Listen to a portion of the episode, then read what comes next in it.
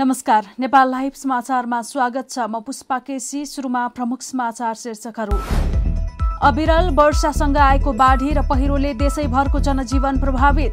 सबैभन्दा बढी सिन्धुपाल्चोकमा क्षति बाढीमा फँसेका साठी जनाको उद्धार बेपत्ता आठ मध्ये सातजनाको पहिचान खुल्यो।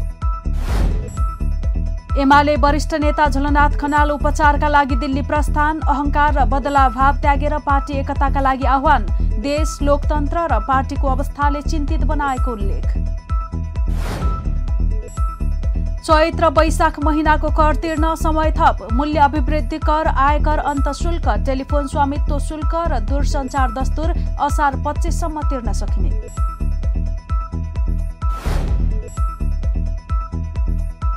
अमेरिकी राष्ट्रपति बाइडेन र रुसी राष्ट्रपति पुटिन बीच बहुप्रतीक्षित पहिलो भेटवार्ता आज। दुवै देशबीच सम्बन्ध सामान्यकरणमा महत्वपूर्ण कदम हुने अमेरिकी विश्वास।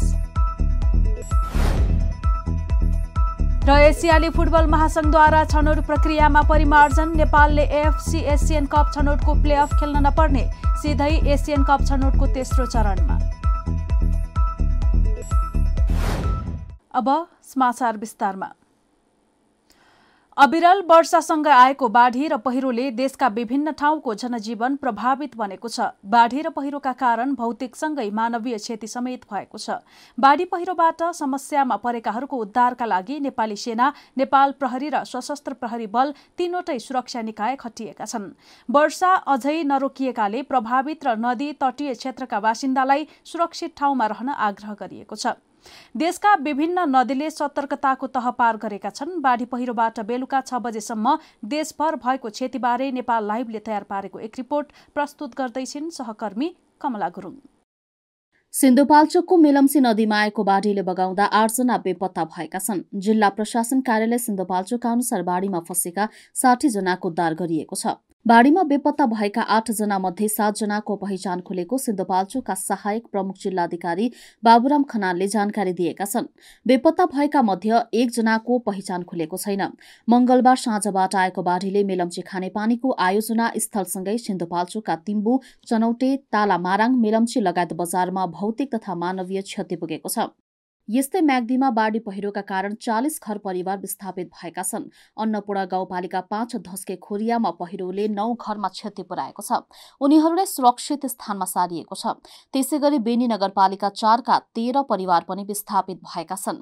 बेनी नगरपालिका नौ गलेश्वर स्थित वृद्धाश्रममा माथिबाट पहिरो खस्न थालेपछि त्यहाँ रहेका बाह्र वृद्ध वृद्धालाई सुरक्षित ठाउँमा सारिएको छ। यसै गरी दाङस्थित राप्ती नदीको टापुमा उन्नाइस घण्टादेखि वस्तु चढाउन गएका बेला फसेका चार जनाको सशस्त्र प्रहरी बलले उद्धार गरेको छ।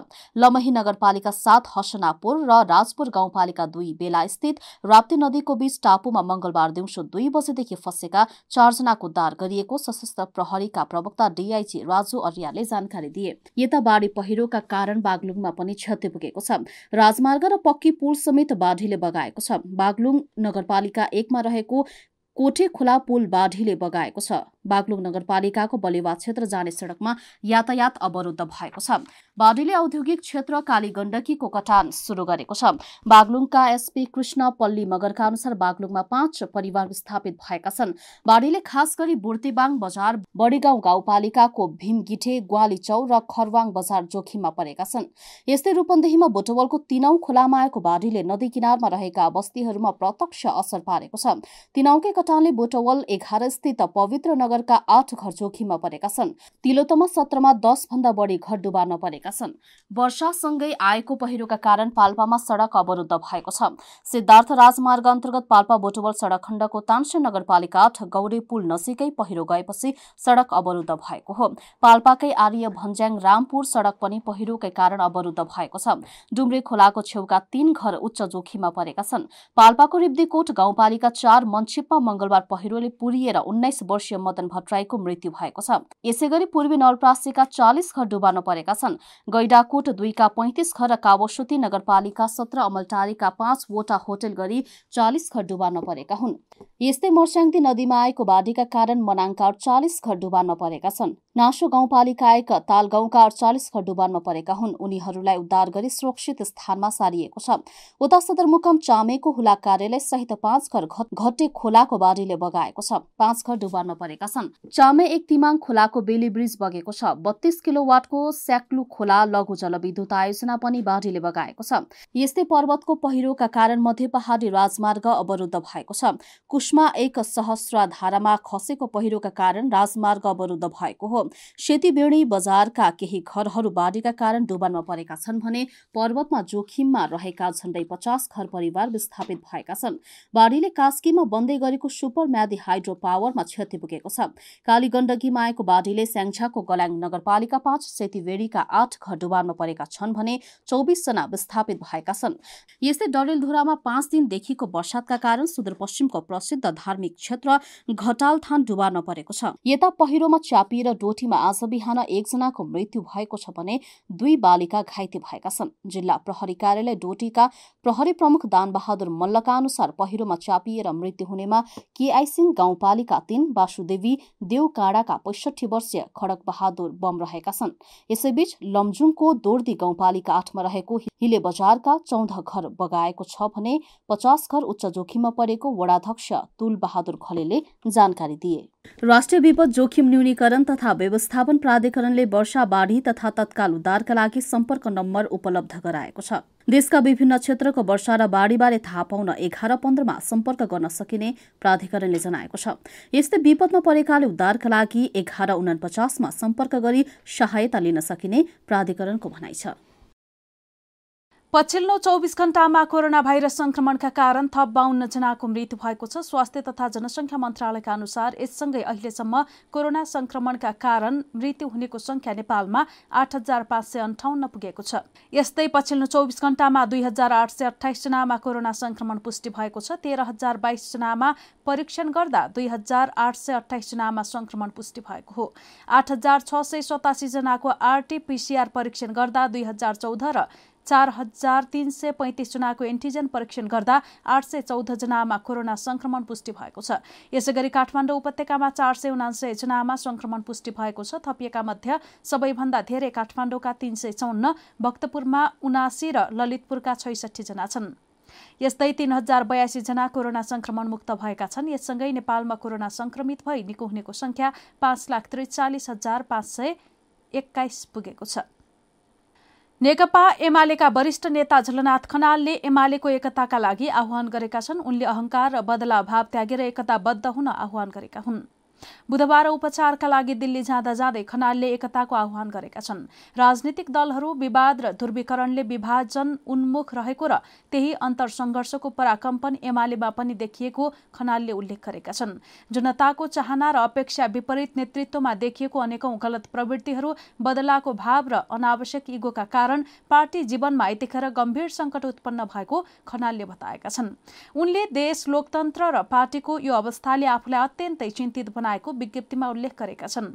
टुटफुट र विभाजन नभई एकता गर्ने गराउने कार्यमा अगाडि बढ्न खनालले सबैमा आह्वान गरेका छन्। दिल्ली जानु अघि खनालले एमाले महासचिव ईश्वर पोखरेललाई पनि पार्टीलाई एकताबद्ध बनाउनका लागि आग्रह गरेका थिए। पोखरेल खनाललाई भेट्न नर्विक अस्पताल पुगेका थिए। स्वास्थ्यमा समस्या भएपछि खनाल सोमबार अस्पताल भर्ना भएका थिए। तर थप उपचार गर्नुपर्ने भएपछि उनी दिल्ली प्रस्थान गरेका हुन्। जनता समाजवादी पार्टी नेपालको उपेन्द्र यादव र बाबुराम भट्टराई पक्षले पार्टीको आधिकारिकता दावी गर्दै निर्वाचन आयोगमा फेरि निवेदन दिने भएको छ। मंगलबार कानून व्यवसायीहरूसँगको छलफलका क्रममा प्राप्त सुझाव अनुसार जसपाको उपेन्द्र बाबुराम पक्षले आफूहरू आधिकारिक पार्टी भएको दावी गर्न निर्वाचन आयोगमा निवेदन दिने भएको हो। मंगलबार कानून व्यवसायीहरूले निर्वाचन आयोगको निर्णय विरूद्ध अदालत जानुभन्दा आधिकारिकता दावी गर्न राजनीतिक दल सम्बन्धी ऐन दुई हजार त्रिहत्तरको दफा त्रिचालिस र चौवालिस अनुसार निर्वाचन आयोगमा निवेदन दिन सुझाव दिएका थिए। यसअघि निर्वाचन आयोग पुगेको जसपाको विवाद सम्बन्धमा आयोगले सुनाएको निर्णयमाथि उपेन्द्र बाबुराम पक्षले गम्भीर आपत्ति प्रकट गरेको छ। आयोगले उपेन्द्र बाबुराम र महन्त ठाकुर राजेन्द्र महतो पक्षले आधिकारिकताको दावी गर्दै दिएको निवेदनमा दुवैलाई आधिकारिकता नदिने र जसपामा दुवै अध्यक्ष कायम रहने निर्णय सुनाएको थियो। सरकारले दुई हजार सतहत्तर चैत र दुई हजार अठहत्तर वैशाखको कर असार पच्चिस गतेसम्म तिर्न पाउने गरी समय थप गरेको छ। आन्तरिक राजस्व विभागले कोविड नियन्त्रणका लागि जारी गरिएको निषेधाज्ञाका कारण कर तिर्न असहजता भएको भन्दै असार पच्चिस गतेसम्मको समय थप गरेको हो। मूल्य अभिवृद्धि कर ऐन दुई हजार बाहन्न बमोजिम दुई हजार सतहत्तर चैत र दुई हजार अठहत्तर वैशाख महिनाको द्विमासिक अवधिको मूल्य अभिवृद्धि कर असार पच्चिस गतेसम्म बुझाउन सक्ने विभागले जनाएको छ। यसै गरी आयकर अन्तशुल्क शिक्षा सेवा शुल्क टेलिफोन स्वामित्व शुल्क र दूरसञ्चार दस्तुर पनि असार पच्चिस गतेसम्म तिर्न पाउने गरी समय थपिएको छ। हामी नेपाल लाइभ समाचारमा छौँ। अब अन्तर्राष्ट्रिय समाचार।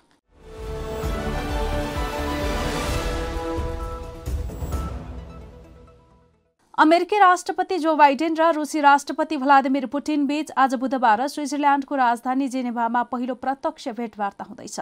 अमेरिका रुस सम्बन्ध निकै तल्लो स्तरमा पुगेकै समयमा यो बहुप्रत्यक्षित भेटवार्ता हुन लागेको हो। विगत चार महिनादेखि दुवै नेताले एकअर्का विरुद्ध तिखा व्यङ्ग्य र धम्कीपूर्ण भाषा प्रयोग गर्दै आएका थिए। राष्ट्रपति बाइडेनले अमेरिकी चासोका क्षेत्रमा रुसी संरक्षण प्राप्त ह्याकरहरूले द्वेषपूर्ण साइबर आक्रमण गर्न रुसी राष्ट्रपतिले उक्साएको आरोप लगाएका छन्। साथै उनले रसियाका अग्रणी विपक्षी नेतालाई अलोकतान्त्रिक विधिबाट जेलमा राखेको तथा अमेरिकी राष्ट्रपतीय चुनावमा रुसले हस्तक्षेप गरेको बताएका थिए। तर रुसी राष्ट्रपति पुटिनले अमेरिकी आरोपहरूको खण्डन गर्दै आएका छन्। अमेरिकी संसदमा गत जनवरी छमा भएको घटनालाई दृष्टान्त बनाउँदै राष्ट्रपति पुटिनले अमेरिकाले लोकतान्त्रिक मूल्य मान्यतालाई लिएर अरूलाई पाठ नपढाएको ठिक हुने बताएका छन्। चारदेखि पाँच घण्टा चल्ने वार्ताबाट तत्कालै कुनै निष्कर्ष निस्कनेमा दुवै नेता विश्वस्त छैनन्। राष्ट्रपति बाइडनले यो भेटवार्ता दुवै देशबीच सम्बन्ध सामान्यकरणमा एउटा महत्वपूर्ण कदम हुने बताएका छन्। संयुक्त राज्य अमेरिका र रुस दुवैले आपसी सम्बन्धमा स्थायित्व र अनुमान योग्य हुने विश्वास लिएको पनि राष्ट्रपति बाइडनले बताएका छन्। नेपाल लाइभ समाचारमा अब खेल समाचार।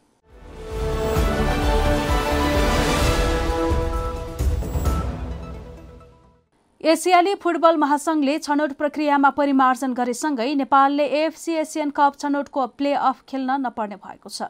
उत्तर कोरियाले नाम फिर्ता लिएपछि एफसीले बुधबार छनौट प्रक्रिया परिमार्जन गर्दै सार्वजनिक गरेको नयाँ ढाँचा अनुसार नेपालले तेस्रो चरणमा स्थान बनाएको छ। एफसीका अनुसार चीन र कतारले विश्वकप छनौट तथा एसियन कपमा स्थान बनाएपछि समूहको चौथो स्थानमा रहने टोलीले पनि सिधै तेस्रो चरणमा स्थान बनाउने भएको हो। नेपालले विश्वकप तथा एसियन कप छनौट अन्तर्गत समूह बीमा रहँदै छ अङ्क जोडेको थियो।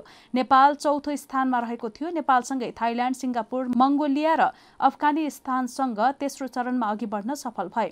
त्यस्तै समूहको पुच्छारमा रहेका यमन बङ्गलादेश र म्यानमार पनि सिधै तेस्रो चरणमा पुगेका छन्। यससँगै दोस्रो स्थान हासिल गर्ने मध्ये पुछारका तीन टोली तथा तेस्रो र चौथो स्थान हासिल गर्ने आठ आठ टोलीले एसियन कप छनौटको तेस्रो चरणमा स्थान बनाएका छन्। विश्वकप तथा एसियन कप छनौट समापन भएसँगै एसियाबाट विश्वकप छनौट खेल्ने एसियन कपमा छनौट हुने र एसियन कप छनौटको तेस्रो चरण खेल्ने टोलीको टुङ्गो पनि लागेको छ। कुल चौबिस टोलीलाई छ समूहमा विभाजन गरेर राउन्ड रोबिन आधारमा होम एन्ड अवे अनुसारले खेल्नेछन्। नेपाल लाइभ समाचार सकिएको छ। समाचारको अन्त्यमा प्रमुख समाचारका शीर्षकहरू फेरि एकपटक। अविरल वर्षासँग आएको बाढी र पहिरोले देशैभरको जनजीवन प्रभावित। सबैभन्दा बढी सिन्धुपाल्चोकमा क्षति बाढीमा फँसेका साठी जनाको उद्धार बेपत्ता आठ मध्ये सात जनाको पहिचान खुल्यो। एमाले वरिष्ठ नेता झलनाथ खनाल उपचारका लागि दिल्ली प्रस्थान अहंकार र बदलाभाव त्यागेर पार्टी एकताका लागि आह्वान। देश लोकतन्त्र र पार्टीको अवस्थाले चिन्तित बनाएको उल्लेख। चैत र वैशाख महिनाको कर तिर्न समय थप। मूल्य अभिवृद्धि कर आयकर अन्त शुल्क। टेलिफोन स्वामित्व शुल्क र दूरसञ्चार दस्तुर असार पच्चिससम्म तिर्न सकिने।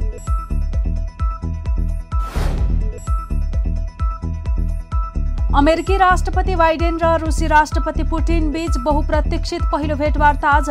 दुवै देशबीच सम्बन्ध सामान्यकरणमा महत्वपूर्ण कदम हुने अमेरिकी विश्वास। र एसियाली फुटबल महासंघद्वारा छनौट प्रक्रियामा परिमार्जन नेपालले एएफसी एसियन कप छनौटको प्लेअफ खेल्न नपर्ने सिधै एसियन कप छनौटको तेस्रो चरणमा। नेपाल लाइभ समाचार आज यति नै। यसपछि नेपाल लाइभमा सर्टकट खबर हेर्न सक्नुहुनेछ। यस्तै हाम्रा अन्य कार्यक्रम Nepal लाइभको Facebook page YouTube channel Twitter र हाम्रो वेबसाइट नेपाल लाइभ डट कममा पढ्न र हेर्न सक्नुहुनेछ। नमस्कार।